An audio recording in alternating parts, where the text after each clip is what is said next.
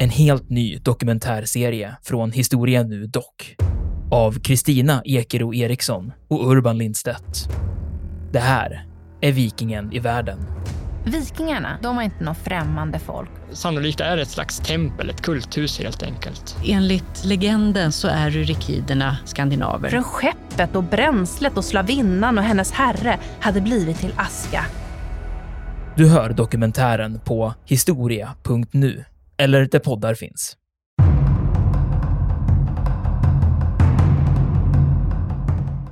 Till slut så får Benedikt order direkt från Frans Josef. Nu får du börja agera. Du måste in i Böhmen och du måste möta preussarna i Böhmen. Det är uppenbart att det är huvudanfallsriktningen. Och då börjar han flytta i sakta mak, får man faktiskt säga då, den här norra österrikiska armén mot det som sen blir då Königsgrätz. Och man kommer fram till Königsgrätz ganska uttröttad, man har dåligt underhåll så armén är ganska sliten. Och där då vid Königsgrätz så lyckas då preussarna att först koncentrera då den första preussiska armén och Elba-armén. Men den andra preussiska armén hinner inte riktigt fram. Så när slaget sätter igång på morgonen den 3 juli, då är inte den andra preussiska armén på plats.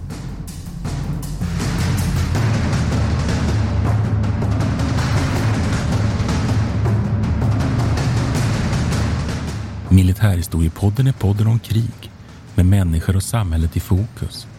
Programledare är Martin Hårdstedt, professor i historia vid Umeå universitet och Peter Bennesved, doktor i idéhistoria. Podden ges ut av förlaget Historiska Media. Stöd gärna MH-podden via vårt swishnummer 123 610 76 68. Märk betalningen med MH-podden.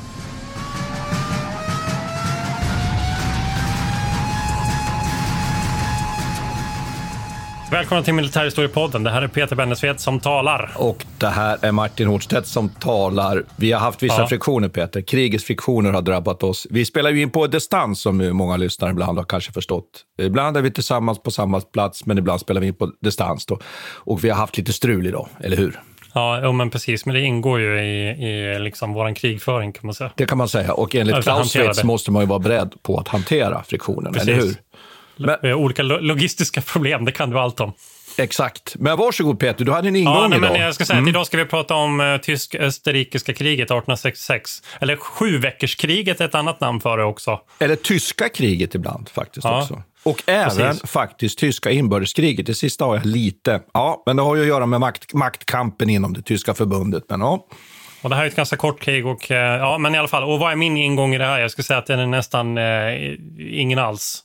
Alltså, känner man, man känner till det. Nej, men man känner till det liksom sen, eh, sen historieundervisningen ungefär, men inte så jättemycket mer. Men vi har ju varit och rört oss i de, i de här kretsarna förut. Vi har pratat om eh, eh, krisen med Schleswig-Holstein och vi har, eh, vad har vi mer pratat om? Eh, 1864. Tysk, ja, fransk-tyska kriget. 70-71. Ja. Ja. Precis. Så där, så där, det kommer vi nog anknyta en del till idag, tror jag. Så att det finns många intressanta beröringspunkter här. Men jag säga, min ingång i det här är i alla fall en. Och det är så här att eh, en av de mest formativa upplevelserna jag hade som barn vad, vad det gäller historia och liksom, eh, historiska intresset var när jag kollade på Indiana, Indiana Jones-filmerna. Kultur, var kul, särskilt- Peter, Ja. kulturskymning. Jo, jag alltså. vet, jag vet att du tycker det. Ja. Men, men, eh, och en av de bästa filmerna som jag tror inte alla håller med om, det tyckte jag var i alla fall den tredje filmen som heter The Last Crusade. Och där finns det då en lite intressant scen och det är när de gör bokbål där. Mhm. Och det här bokbålet, eh, det spelade sig på Bebelsplats tror jag det heter idag. Ja, just det. Framför operan, Men- operan precis. På, Ja, exakt. Unter den linden, ja. Mm. Bebel är för övrigt en känd eh, socialdemokratisk politiker som, eh, som alla borde läsa om. Tycker jag är intressant. Ja, skitsamma, det är en utvikning. Men i alla fall, under den här scenen så spelar de en sorts musik. Kan du gissa vilken det är? Nej. Königgrätz Marsch. Fantastiskt, Peter. Ja. Och det var, jag, ska, jag ska inte få det låtsas som att jag kände till det här eh, på förhand, utan det var någonting som uppenbarades för mig nu när jag läste på om det här kriget. För att eh, den här eh, preussiska marschen har ju gått till, gått till historien som en av de kanske bästa, eller mest Ja. kända som de har gjort. gjorts. Och den har ju just att göra med det här avgörande slaget från den här Slaget eh, vid. Königsgrätz, precis, i juli 1866. Och det är ju där, Ja. det, det är egentligen där vi kommer att, allt det vi kommer att prata om, det kommer på något sätt att hamna där vid Königsgrätz. Ja,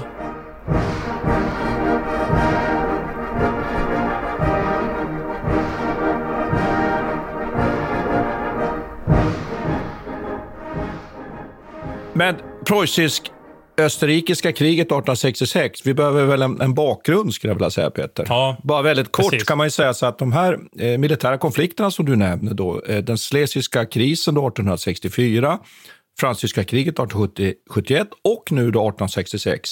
Det är ju de tre militära konflikter, utrikespolitiska kriser som leder till tyska rikets enande.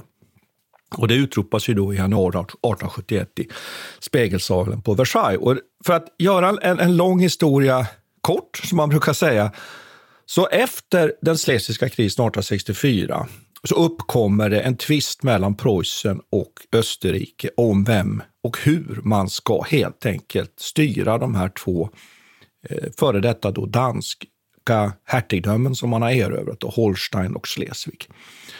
Och vi behöver inte fördjupa oss mer i det, men i, det är egentligen bara konflikten på ytan. För i grund och botten handlar det ju om vem är det som ska vara den tongivande staten i det tyska förbundet som har skapats efter Napoleonkriget. Men en fråga om det där då? Är inte det så att nu finns det ett slags nordtysk, Nej. nordtysk konfederation? Nej.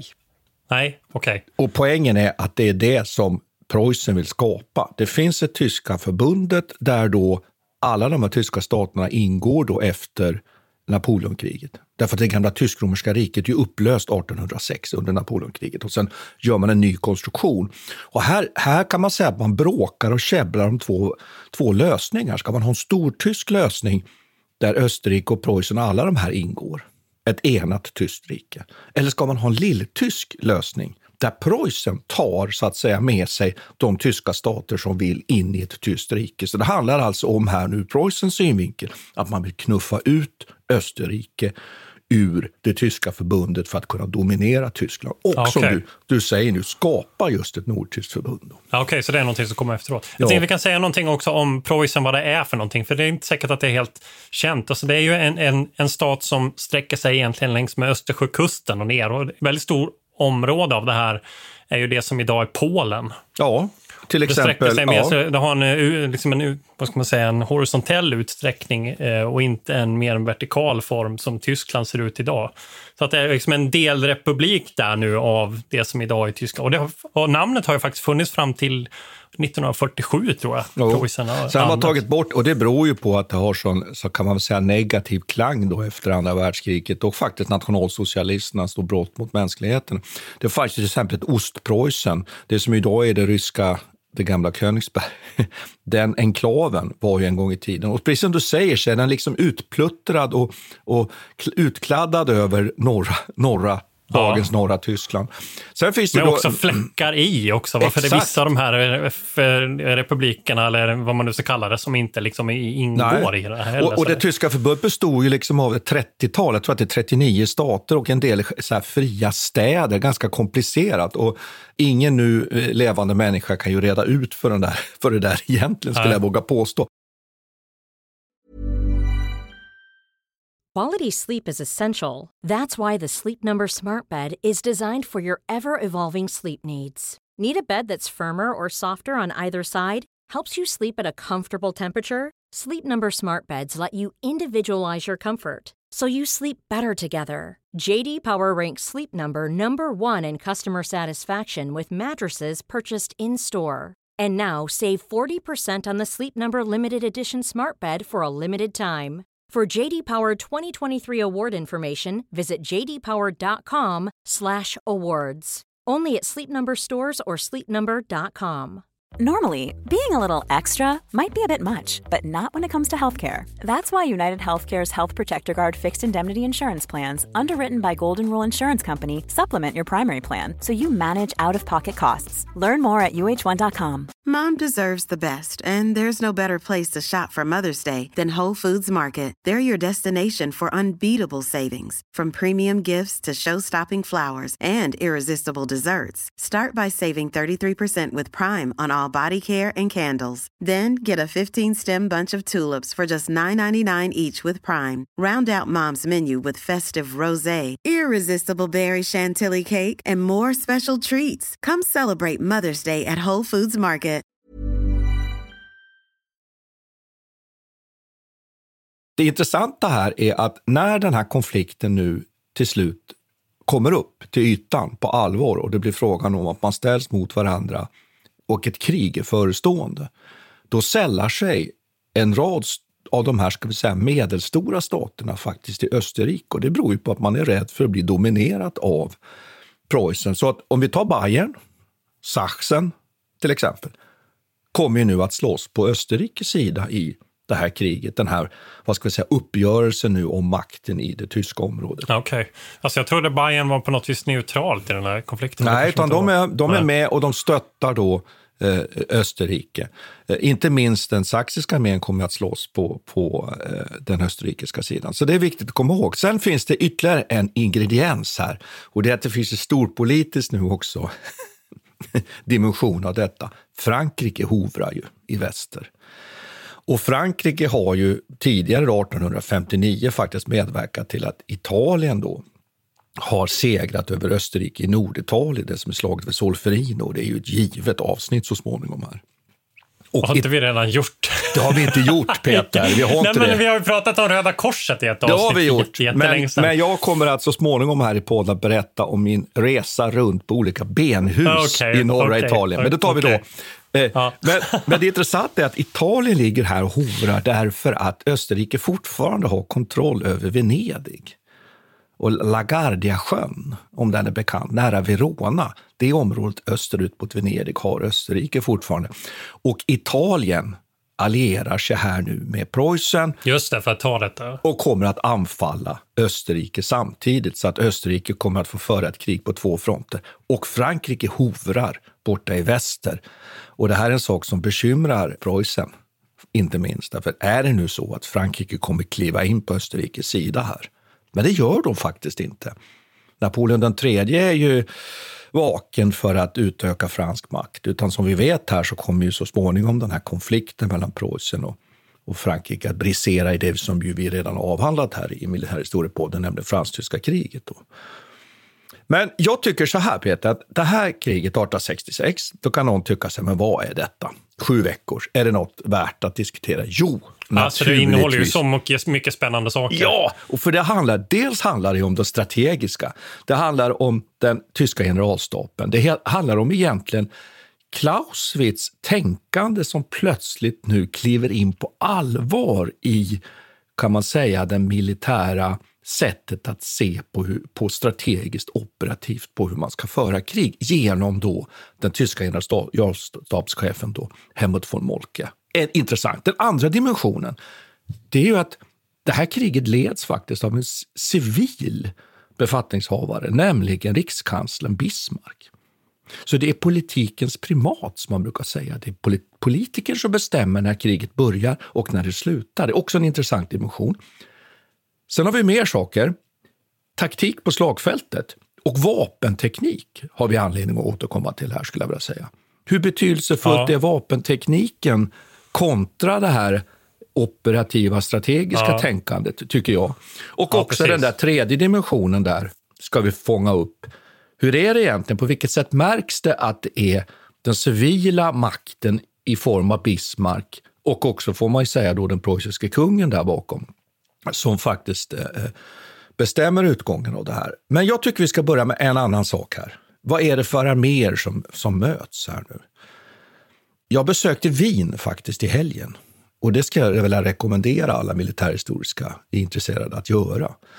Därför att eh, Wien och det, det krigsmuseet i Wien är värt ett besök. Inte minst kan man ju faktiskt se bilen, du vet, Sarajevo-bilen. Jaha. Där han sköts. Står ja, skottet i Ja. Sarajevo, den står där. Och min fru, måste jag säga, faktiskt eh, var mäkta, får man väl säga ändå, intresserad av detta. Så att det, det finns anledning att komma dit. Nu, Till, nu, till skillnad från, från i vanliga fall. Nej, men du kan väl säga att min stackars fru är, är väl ganska luttrad, men hon har ett visst intresse. Och vi tittade även på faktiskt, det finns en liten utställning där om, om ett, det har ju gjort ett poddavsnitt om belägringen av Wien 1683. Och, och, Ja, just det. och- ja. Men det, Man håller på att glömma alla avsnitt vi har gjort, Martin. har jag vet det, jag vet det. Vi har hållit på så Ja. fantastiskt länge. Och det jag skulle säga då är att, att den österrikiska armén är att betrakta egentligen som en, en, en yrkesarmé. Man har, man har tjänstgöring, väldigt lång tjänstgöring. De flesta soldater som sätts in i det här kriget de har tjänstgjort i minst sju år. Kanske sanning med modifikation då, men de allra flesta har lång tjänstgöring. De, de bygger på kontrakt. Men den preussiska armén har ju strax före det här kriget och före kriget 1864, egentligen med början från 1861-1862, genomgått en ganska väsentlig förändring.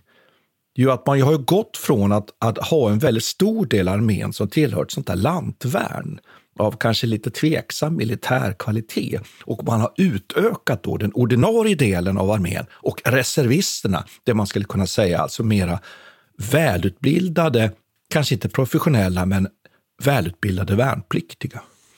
Får jag säga ett tillägg där, för att jag vet att vad påminna lyssnarna om att det här lantvärnet har vi faktiskt pratat om tidigare.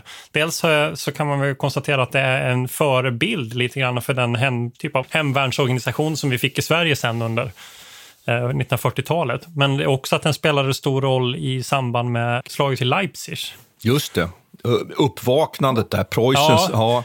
Precis, så när de på något vis började den här resan som nu kommer lite grann till sitt slut 1866, eller mellan 1866 och 1870 kan man säga.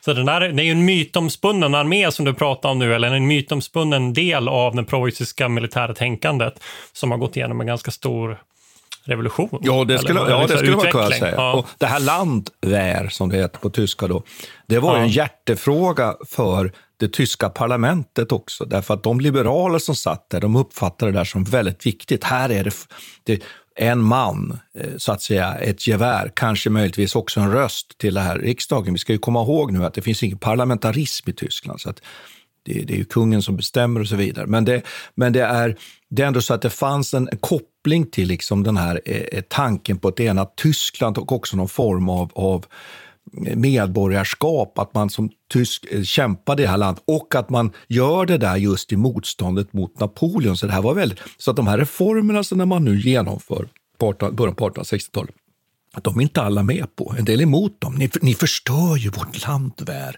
Alltså, eh, utan nu försöker ni skapa någon professionell armé. Och det var man var rädd för naturligtvis. Det var ju att den där armén nu av reservister och aktiva, de som ju var inkallade då för tre års tjänstgöring, då, två till tre års tjänstgöring, det varierar lite under den här tiden. Ja, men det är ju kungens och Bismarcks armé så att säga. Va? Och den har vi inte kontroll på, medan parlamentet då menar att ja, vi har ju kontroll på de här lantvär. De är.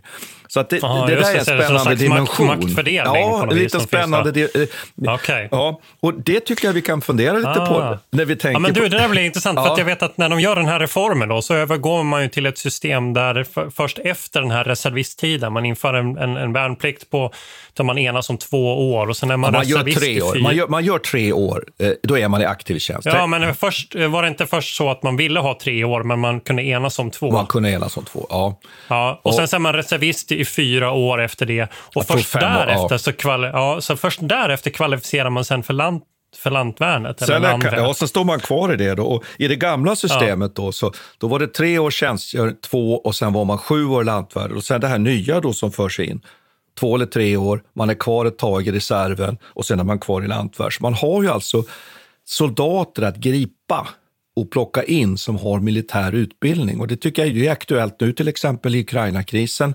Det gäller att ha militärt utbildade personer. Vi har ju problem med det, med det idag i Sverige eftersom vi, vi inte har haft inne åldersklassen under många år. Det gäller att ha Ja. folk gripbara som har militär utbildning och det lyckas man ju fixa till. Det. Så det man egentligen gör från det gamla systemet är att man utökar mängden av de här som är aktiva med, med tjänstgöring som är inkallade så att säga och sen utökar antalet reservister och minskar det här lantvärnets betydelse. Och så säger man också att lantvärnisterna de får framför allt då vara i garnison, försvara underhållslinjer mm. och sånt. Då. Påminner också jättemycket om hemvärnet Precis. som man beskriver deras uppgifter. Ja.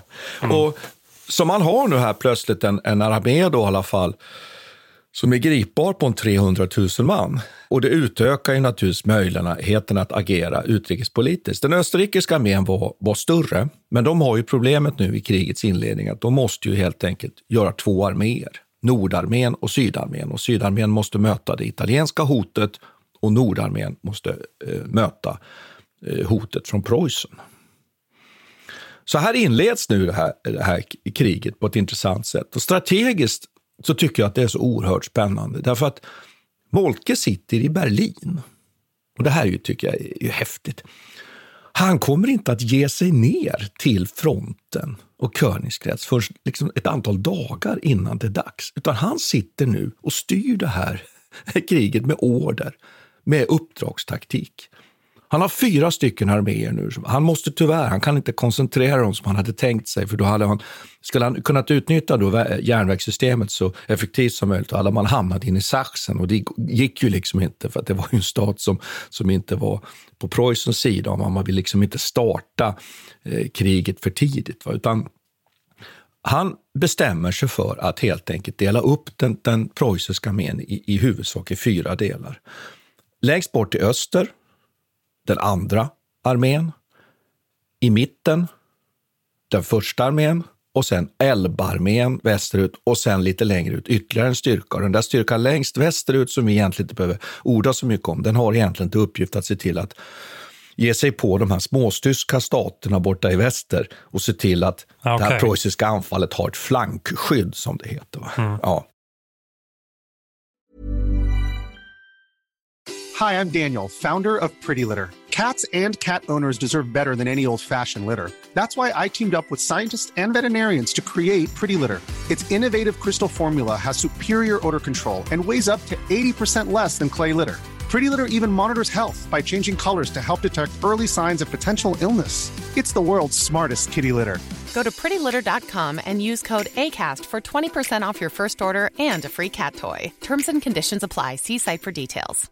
A lot can happen in three years, like a chatbot may be your new best friend. But what won't change? Needing health insurance. United Healthcare Tri Term Medical Plans, underwritten by Golden Rule Insurance Company, offer flexible, budget friendly coverage that lasts nearly three years in some states. Learn more at uh1.com.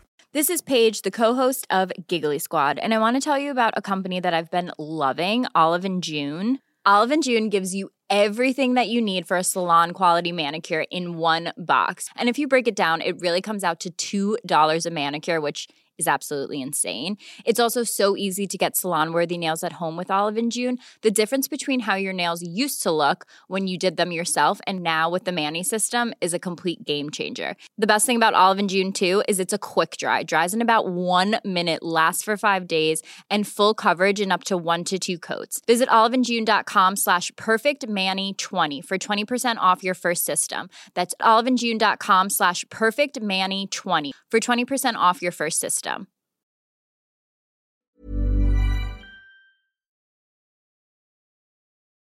Men du kan inte säga någonting lite om var vi är någonstans? För jag tänker att det är också viktigt för lyssnare. För att vi, det vi rör oss, vi rör oss i det som är egentligen Tjeckoslovakien ja, idag, gränsen mellan ja. Tjeckoslovakien och Polen. Ja, så skulle man kunna säga. Ja, precis. Så att Königsgrätz ligger ju i dagens Tjeckien. Det är viktigt att komma ihåg. Och Sa jag Tjeckoslovakien? Jag menar Tjeckien. Ja, men det är väl inte så, det är inte så, farligt, det är inte så farligt. Är det inte. Vet du förresten vilken stad som ligger mitt i Tjeckoslovakien? Oslo. Ah, Oslo. Eh. Oslo. Klassiskt skämt okay, från min okay, tid okay, som föreläsare på kursen. Men hur som helst, så ja. man kan säga att norr om egentligen då, det som sen blir då Königsgrätz, alltså där, där, där utgångsgrupperas då den här andra armén och sen då den första armén lite längre västerut precis norr om Prag kan man säga. Och sen norr om Sachsen då den här Elbe-armén. Och de här tre arméerna, med dem har han nu tänkt att försöka fösa ihop den österrikiska huvudarmén och sen utkämpa ett sånt här fickslag, alltså helt enkelt. Kunna attackera, utflankera, omringa den österrikiska armén. Hur tänker österrikarna nu? Vem har Moltke emot sig? Jo, nämligen hjälten från slaget vid Solferino. Fältmarskalken då, Benedek, som var egentligen den enda österrikiska befälhavaren som, som agerade väl i slaget vid Solferino 1859. Han var liksom den som på något sätt levde upp till den österrikiska äran i ett slag. han, är inte han mest känd för att han liksom räddade rätt många soldater? Jo, precis. Ja, att han, liksom, han, han, höll emot på faktiskt den norra delen av, av, av, av Solferino-slagfältet och lyckades, som du säger, retirera ut. Men, men nog om det. Han, han visar sig ju inte vara nu uppgiften mogen här. Utan han utgångsgrupperar egentligen hela den norra armén. Väldigt mitt för den här andra preussiska armén längst österut vid Olmutz, för där finns det en massa fästningar. Och där står han egentligen och väntar. Och preussarna är lite oroliga, därför de tänker sig, kommer han nu kliva rakt upp i Schlesien med den här jättearmén?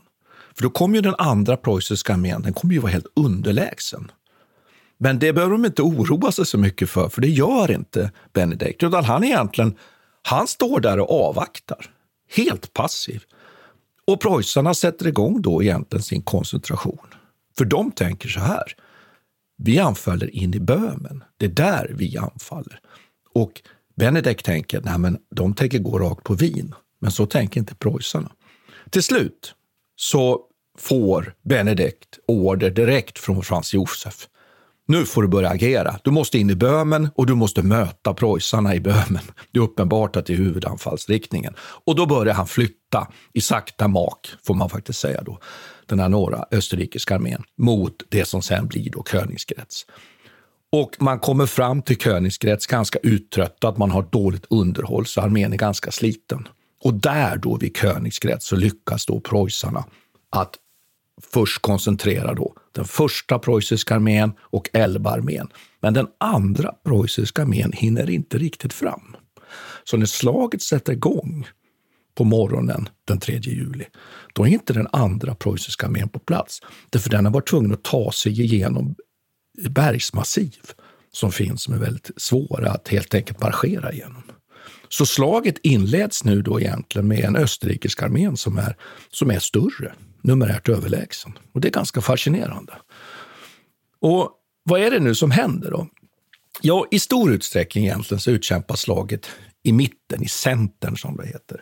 Och i mitten av det här slagfältet och Königsgrätz, där finns det då ett, ett, eh, ett skogsområde som kommer att bli då väldigt betydelsefullt. Och där anfaller då preussarna inledningsvis. Och här tänkte jag lite att vi kanske skulle faktiskt kunna stanna upp lite här och fundera över några saker.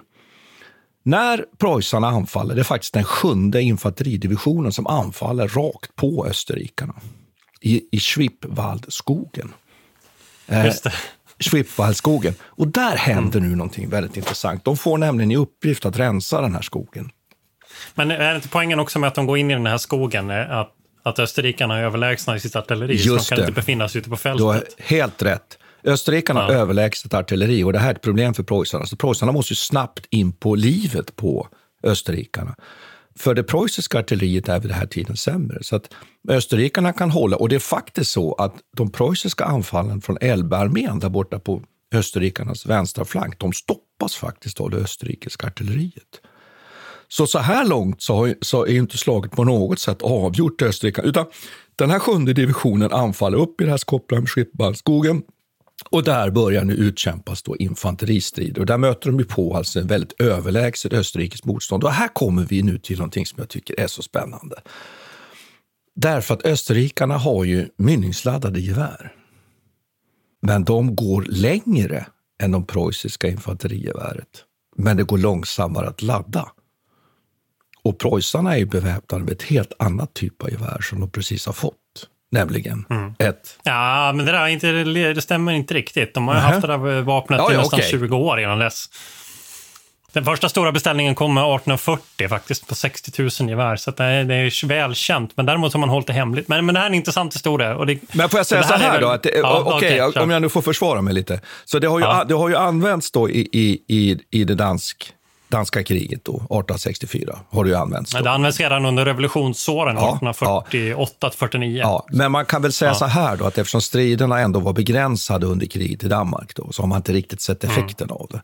Men det är Mm. Nej, ju framförallt så kämpade man ju tillsammans med österrikarna under det, under det Precis. kriget också. Ja. Men här ser vi någonting nu väldigt, väldigt spännande. Att det här geväret då, hur stor betydelse har det för... Ja, men alltså, jag tänker ofta, jag, det här är en av de här grejerna som, Mm. som hänger kvar sen historieundervisningen. Och jag tror inte, ja, jag minns inte vem det var som berättade eh, i alla fall. Men den här liksom revolutionerande idén att man, kan, eh, att man kan lägga sig ner och skjuta med ett vapen. Just det. Och eh, och det, det, det känns självklart idag när man tänker på hur modern krigsföring ser ut och alla bilder vi har från, från eh, andra världskriget och moderna krig, liksom hur, de, hur de utspelar sig och soldaternas roll där.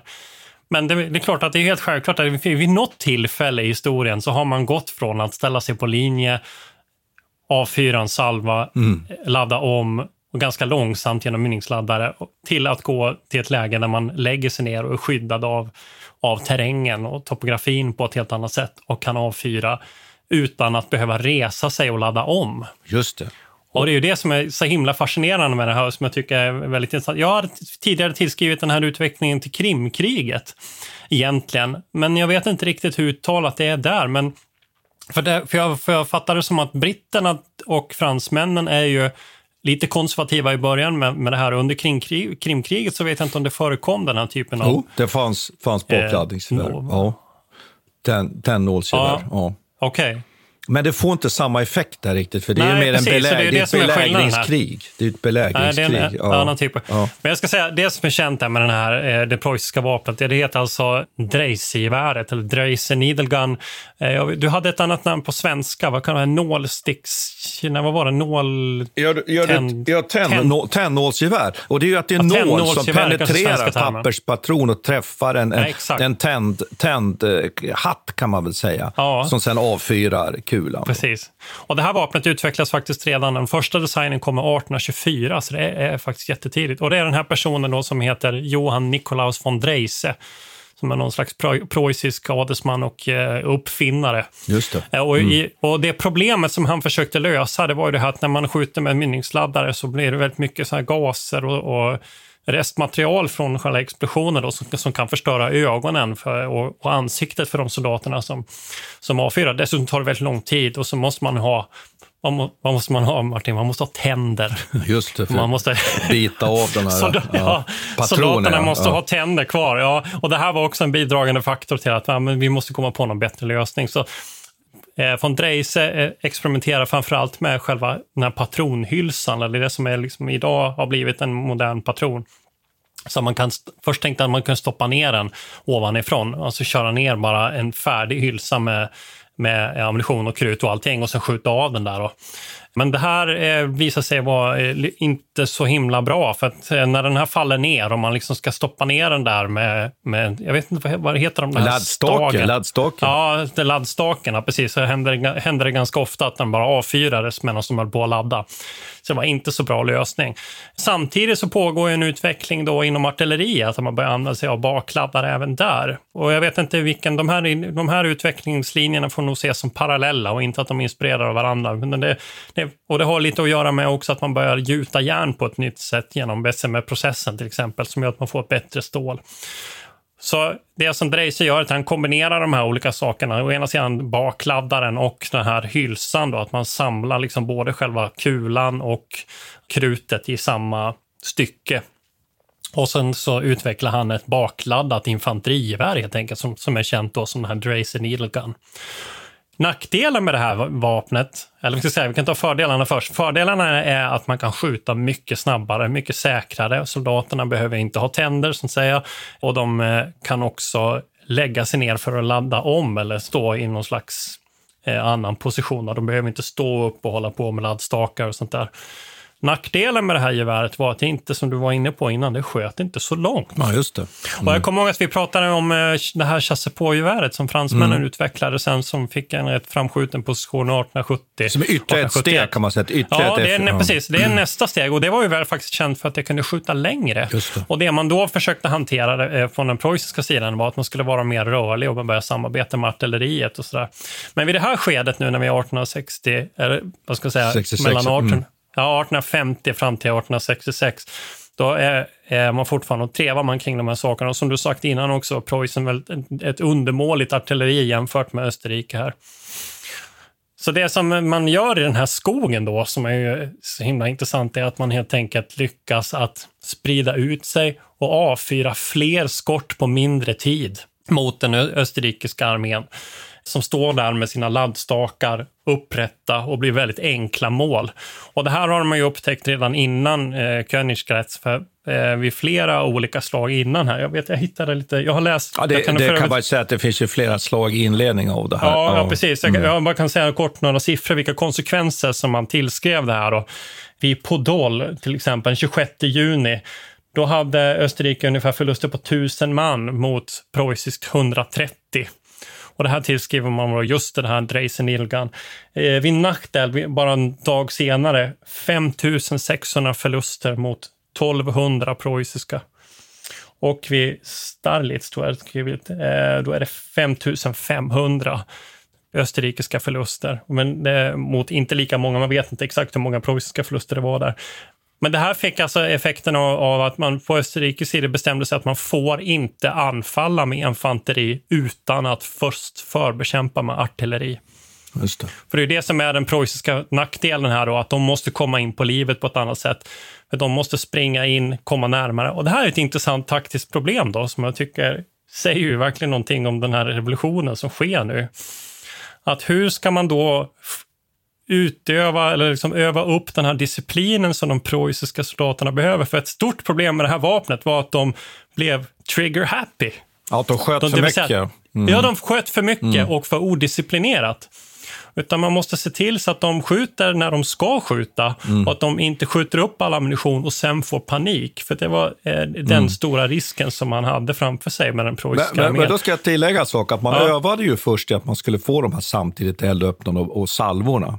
Och det kan vara viktigt att säga att man i preussiska armén här nu så förbjuder man ju alltså kolonnanfall alltså av Napoleon, fransk ja. modell, utan man sprider ut. Och det är ju så att man har ju redan utvecklat tidigare i historien att man har då eh, jägare som i spridd ordning framför infanteriet jobbar precis på det här sätt som du beskriver. Hittar eldställningar, lägger sig ner, skjuter för att sätta press på motståndaren och mjuka upp ja, och motståndaren. Liksom. Och, nu och det här är väl någonting som Napoleon för in och som Ja, det finns tid, ja, det finns tid, ja, absolut. Det finns i svenska med 1808 mm. och så vidare. Men men här börjar man då bestämma sig för att, att det är inte bataljoner, man går ner på kompani. Så att det är Just kompaniet det. som jobbar, till, jobbar, kanske till och med ner på plutoner, halvplutoner. Och man sprider ut sig, precis som det här vapnet som du nu säger ger möjlighet. Så här ser vi nu liksom att, det, att taktiken nyttjar det här nya vapnet. Och precis som du säger, eldhastigheten. Och sen, men då var det som du sa, då gäller det att ha disciplinen där. Men sen var det så faktiskt också att man kunde då i ett tillfälle så att ge order till soldaterna att öppna eld och skjuta så snabbt de bara kunde. Men då, då var man ju inne i det som brukar kallas en närstrid. Alltså. Precis, och det här kopplas ju tillbaka till det här vi pratar om, det här med landvär och en av de största problemen. Så som jag sa, det här vapnet utvecklades tidigt. Första stora beställningen som preussiska staten gör det är 1840 på 60 000 vapen som man gömmer och sparar. för att, och så säger man så här, det här ska användas vid, vid, vid, det, vid det avgörande tillfället och ska inte, liksom, ska inte lyftas ja. i, i offentligheten. Ja. Men så redan då har man väldigt klart för sig kraften i det här vapnet och vilka möjligheter. Men då är det ju det här, den här landvärd som det var tidigare, som var i princip bara en milis, en, en, en folkmilis, va? hade inte förtroendet från den preussiska staten att de skulle klara av att hantera den typen av disciplin som behövdes med det här nya vapnet, det vill säga att man inte skjuter bort allting för snabbt och sen drabbas av panik, utan att man sköter det här på något vis mer koncentrerat. Ja, det tycker jag är intressant. Så det, vapnet i sig man ska inte säga att det är helt revolutionerande för det här, men vapnet i sig sätter de här gränserna Ja. för vilken typ av krigföring man kan föra. Och sen omformas liksom hela armén taktiken, utefter ja, det håller jag med om. Och, och, och, det är så, eh, och samtidigt då så har man å andra sidan den här bristen på artilleri som gör att man också måste gå ner, precis som du sa, ner i kompanistorlek istället. Och jobba sig framåt i terrängen ja. på ett helt nytt sätt. Ganska modernt sätt För skulle vi säga då. Ja, Mm, exakt. Och det är ju det som är, man känner ju igen det här. Och sen utnyttja terrängen. Och inte då på storskalig nivå, liksom på makronivå, var är floderna, var är bergen, utan verkligen använda stenar, Ja. Och då, och då, då skulle jag säga, buskage, ja, allt sånt och då där. skulle jag säga så här, om du då tittar då från den österrikiska sidan, där har man kvar då alltså kolonnanfall, bataljonskolonnanfallet med fältbajonett som huvudanfallsstridssättet. Så det som händer igen, och det såg man redan 1864, där finns det exempel då på att man skjuter bort alltså sådana här bataljonskolonnanfall med det här nya vapnet och med det här nya sättet att tänka från, från preussisk sida. Så när man möts då inne i skogen där så har vi då en uppenbar fördel av preussarna. Men om jag då får gå tillbaka lite till händelseförloppet så är det ändå så att österrikarna genomför då ungefär mitt på dagen, vid klockan 11, ett motanfall mot det här preussiska anfallet inne här i de här områdena som vi var inne på. Det är skog, skogsområden. Och lyckas pressa tillbaka då framförallt den här sjunde infanteridivisionen. Men det som händer är ju då att då kommer man ju längre ner i terrängen, man öppnar upp sin flank och det är också på det sättet att man så småningom så kommer ytterligare nu då preussiska styrkor att komma emot och Benedikt han vägrar att sätta in reserverna och liksom föra det här österrikiska anfallet ännu djupare in i den preussiska grupperingen. Så det som händer här egentligen är nu att nu kommer den andra preussiska armén plötsligt anländer till slagfältet och en gardersdivision tillsammans då med den här sjunde divisionen plus ett antal andra preussiska divisioner, de mosar egentligen då delar av den österrikiska centern här som tar otroligt stora förluster, inte minst på grund av det här som vi säger, den effektiva eld, eldgivningen. Då. Och då börjar den österrikiska armén helt enkelt att kollapsa. Det som väl ändå kan man säga nu ändå är ett minus när det gäller den preussiska nu då, operativa upplägget, det är att man ju inte riktigt lyckas faktiskt koncentrera alla de preussiska arméerna samtidigt i tid och rum. Därför att den här andra armén kommer ju faktiskt lite sent in till slaget. Och det gör väl, menar man ju då, att österrikarna faktiskt lyckas då ordna att ändå retirera ur den här fickan och ta sig, koncentreras mot Wien. Så där kan man väl säga att slaget kommer att bli avgörande.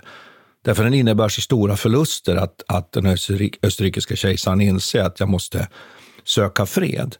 Men det är ändå inte så att armén förintas. Så att man kan väl säga att krigsplanen från Moltkes sida, den lyckas till stor del, men kanske inte fullt ut. Det är väl en, en slutbedömning, tycker jag.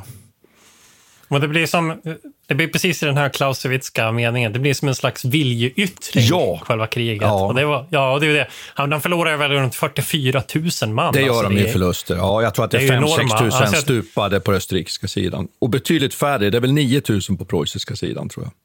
Ja. Det här är ju det största slaget som utkämpas i, i Europa.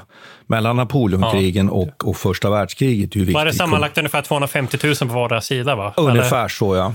Men nu, Ja. nu är det så här, Peter, att vi har ju, har ju egentligen fört lyssnarna bakom ljuset här.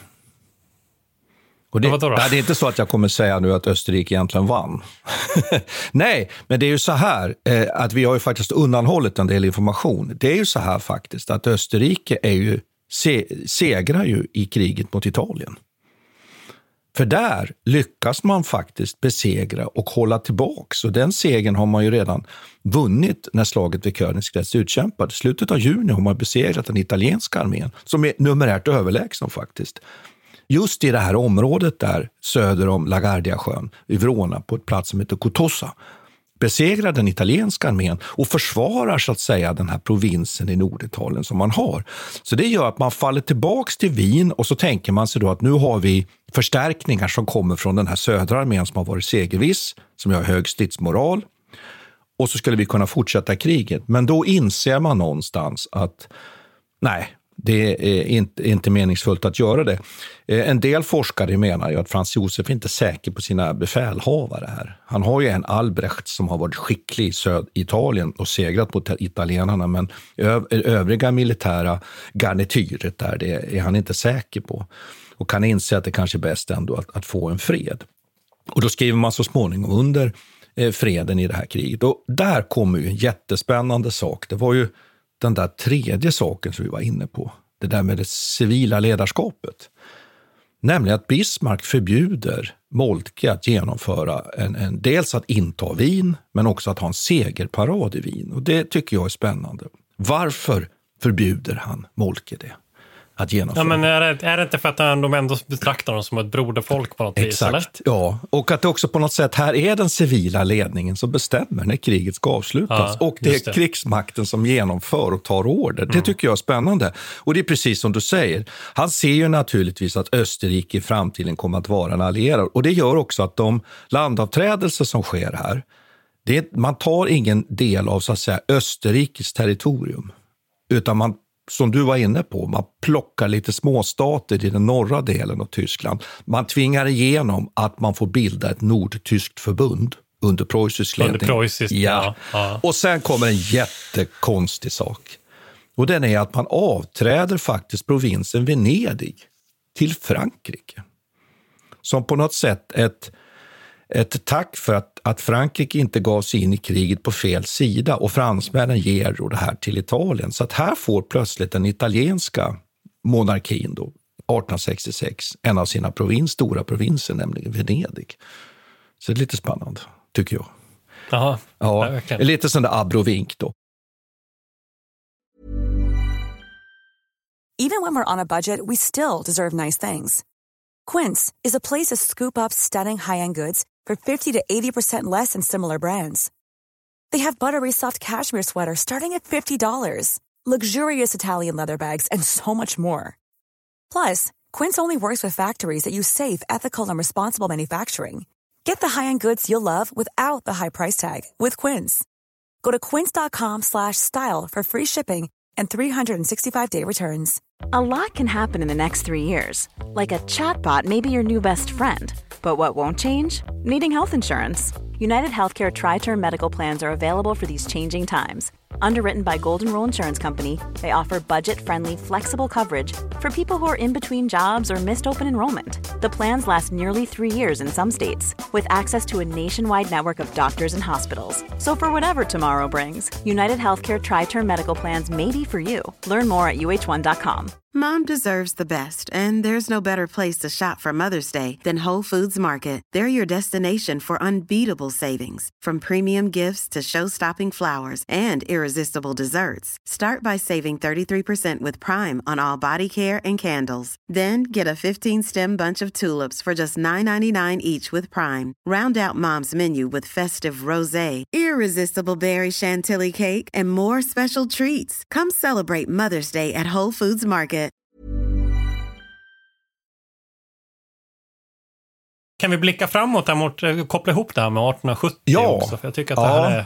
Det, det, är nästan, jag upplever nästan som att det är svårt att särskilja dem på ett sätt och bara prata om de två separata krig. För det är ju en del av en större kampanj som den här civila Bismarck, det känns svårt att kalla honom Civil. Civil, ja, för det, han är på något vis, han är på något vis eh, liksom den ur, urtypen av en militarist. Ja, men, vis, vet, som bara, ja, men vet du hur ja. det är Peter? Och det vet jag att jag sa i det där avsnittet också, men det kan upprepas. Alltså Bismarck är ju så märklig. Han går omkring i uniform hela sitt liv.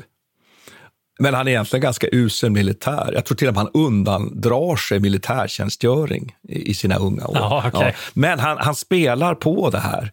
Därför att det är så viktigt. Det är ganska spännande tycker jag, hela det. Men du har helt rätt. Eh, den civile Bismarck. Men han är ju de facto en civil befattningshavare. Han är ju eh, kanslern, alltså chef, chef för reger, så att säga, regeringen i Tyskland. Då. Men då skapas Men- ett nordtyskt förbund och det, och det är väl det du är lite ute efter här. Så nästa Nej, men steg. ja, ja, det är väl ja. del, dels det, men eh, jag, är inte, jag är inte så mycket intresserad av det politiska mer, utan mer det militärtekniska och den tekniska utvecklingen. För något, något, någonting som jag vet att vi pratar om Ja. och som är, och, eh, fransk-tyska kriget är väldigt känt för, det är ju det här med den eh, tåglogistiken. Just det. Och som eh, von Moltke den äldre då har, få, har liksom eh, personifierat, att han lyckas utveckla den här formen av militär logistik och lyckas föra fram sina trupper så att han får den här förmågan att analysera, vad heter det nu då? Analysera, ta beslut och agera före motståndaren. Just då. det. Jag för mig att det kallas för Boyd-cykeln eller någonting Ja, sånt där. det, det, är ju, det är ju egentligen man, man över, eller att uppdragstakt, att, Ja. man, att man är snabbare på att tänka helt enkelt. Exakt. Ja. Men, och det, det är någonting som jag plockar med mig här från min läsning från 1866, att det där är någonting som man bemästrar redan 1866 och faktiskt lite tidigare också. Och att Österrike var faktiskt bättre på, än Preussen på detta ännu lite tidigare tillbaka i tiden. Och att, och det där är en liten missuppfattning. Att, eh, men sen har man ju fört fram det här kriget 1870 som kanske är det som på något vis har dominerat den här perioden sen och att det också ledde till tyska rikets enande. Men alla de där sakerna finns redan på plats och testas faktiskt på riktigt 1866. Och det här med artilleriet, jag nämnde det där också att eh, vi pratade mycket om artilleriet. Här är också en eh, när man möter en bättre variant av sitt eget gevär i Frankrike sen med chassepågeväret. Ja. Hur hanterar man det då?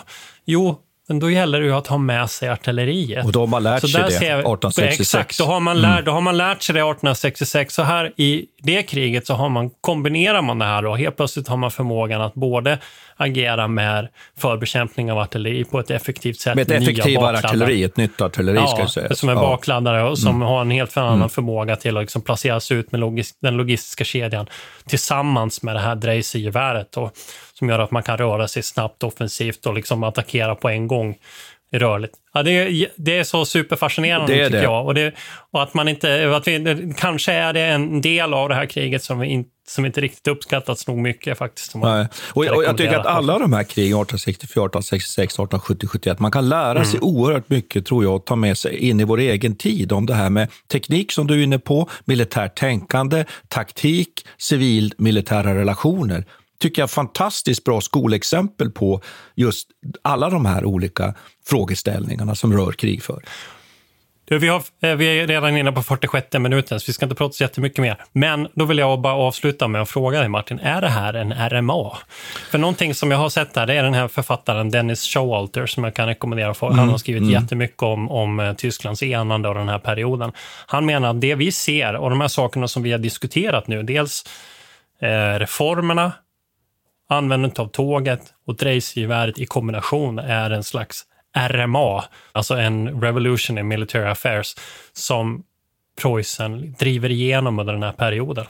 Ja, Vad tycker du? Ja, det, tror jag, det det? ja, det tror, tycker jag definitivt man kan, man kan säga. Och att det också är, tycker jag, framförallt ett nytt militärt tänkande som, som verkligen börjar genomsyra allt från, från generalstabens planering ner till enskilda förbandschefer, skulle man kunna uttrycka det. Och där vi var nere på att man börjar jobba med kompanier, man fattar enskilda beslut. Också det är ju jätteviktigt här. Så det är ju ett, ett nytt, ny typ av krigföring. Sen kan man väl säga det att man man lyckas ju inte förrän egentligen 1918 i samband med den stora offensiven som man ju gör på våren 1918 återta den här kan man säga, kunskaps, eh, det som man har lärt sig här. Därför att första världskriget, där kommer vi ju se att man fastnar ju i ett fullständigt liksom förintelsekrigföring där man inte kan bemästra de nya vapnen. Ju. Så att det, det, men det finns här någonting som är spännande och som ju faktiskt blickar framåt det som ju sen är den framgångsrika rörliga tyska krigföringen, uppdragstaktik och manöverkrigföring under andra världskriget. Så håller jag verkligen med om. Men jag skulle, en sista sak skulle jag ändå vilja kasta in här och säga att man kan lite ifrågasätta att järnvägen verkligen har sitt genombrott här. Därför det är nästan lite så här som faktiskt den här stora israeliska militärhistorikern Martin van Krefeld ju hävdar. Att de Ja, egentligen ja, ja, kör ja, ner, det. förstår du, Ja. och så lämpar de av dem och sen Ja, får ja, de gå. ja. Va? Men självklart är det ju så att man flyttar ju stora truppmarscher. Ja, men, men, ja, precis. Och det Mm. kommer jag ihåg, det har vi pratat om, Ja. ja. att det var absolut tidigast. Och det är, det är ju helt rätt. Alltså att, eh, rörligheten begränsas ju ändå där i slutet. Men, och då menar Showalt det här med sin RMA, att, att eh, just tåget ger den här förmågan till operativ offensiv. Att Ja, man kan liksom ja. Man kan Ja. skicka ut trupperna så snabbt och ta beslut om vad man ska agera långt före motståndaren. Och det är, sen måste man givetvis promenera och marsch, marschera därefter. Va? Men då har man redan tagit initiativet och det är det som är den stora vinsten med med, med. tåget. om. Men jag skulle nästan vilja säga så här. Jag skulle säga att man kan göra ett strategiskt överfall med hjälp av järnvägen. Men när man kommer ner på operationsnivå, möjligtvis som du är inne på, kan man använda järnvägen. Men framförallt där sen då taktiskt, då är det fortfarande frågan om att gå Nej, och röra precis. sig. Då är, det någon, Ja. då är det en annan typ av... Och det tror jag den preussarna är rätt medvetna om, att de är underlägsna taktiskt på det, på det där planet och de försöker hantera det, i alla fall i det här läget. Ja, det, det tror jag. Men, men spännande. 1866, glöm inte det kriget. Det är, en, det är en, ett viktigt krig i, i, i militärhistorien. Och, jag tycker tack, tack ska vi ha, ska vi väl säga. Ja, tack ska vi ha. Vi tackar Peter Bennesved och Martin Hårdstedt. Kontakta gärna Militärhistoriepodden via mejl på militarhistoriepodden historia.nu. Peter och Martin vill gärna få in synpunkter och förslag till programidéer.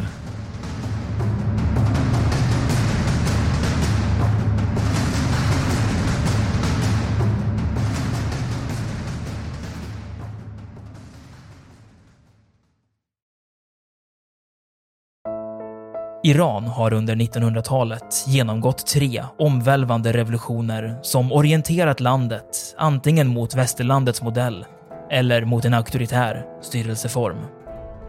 Idag pågår en social revolution i landet som vänder sig mot det islamistiska styret och vars anhängare har Europa och väst som förebilder. I en viktig bok ger idéhistorikern Mohammad Faslashemi en djupare förståelse för dagens dramatiska händelseutveckling.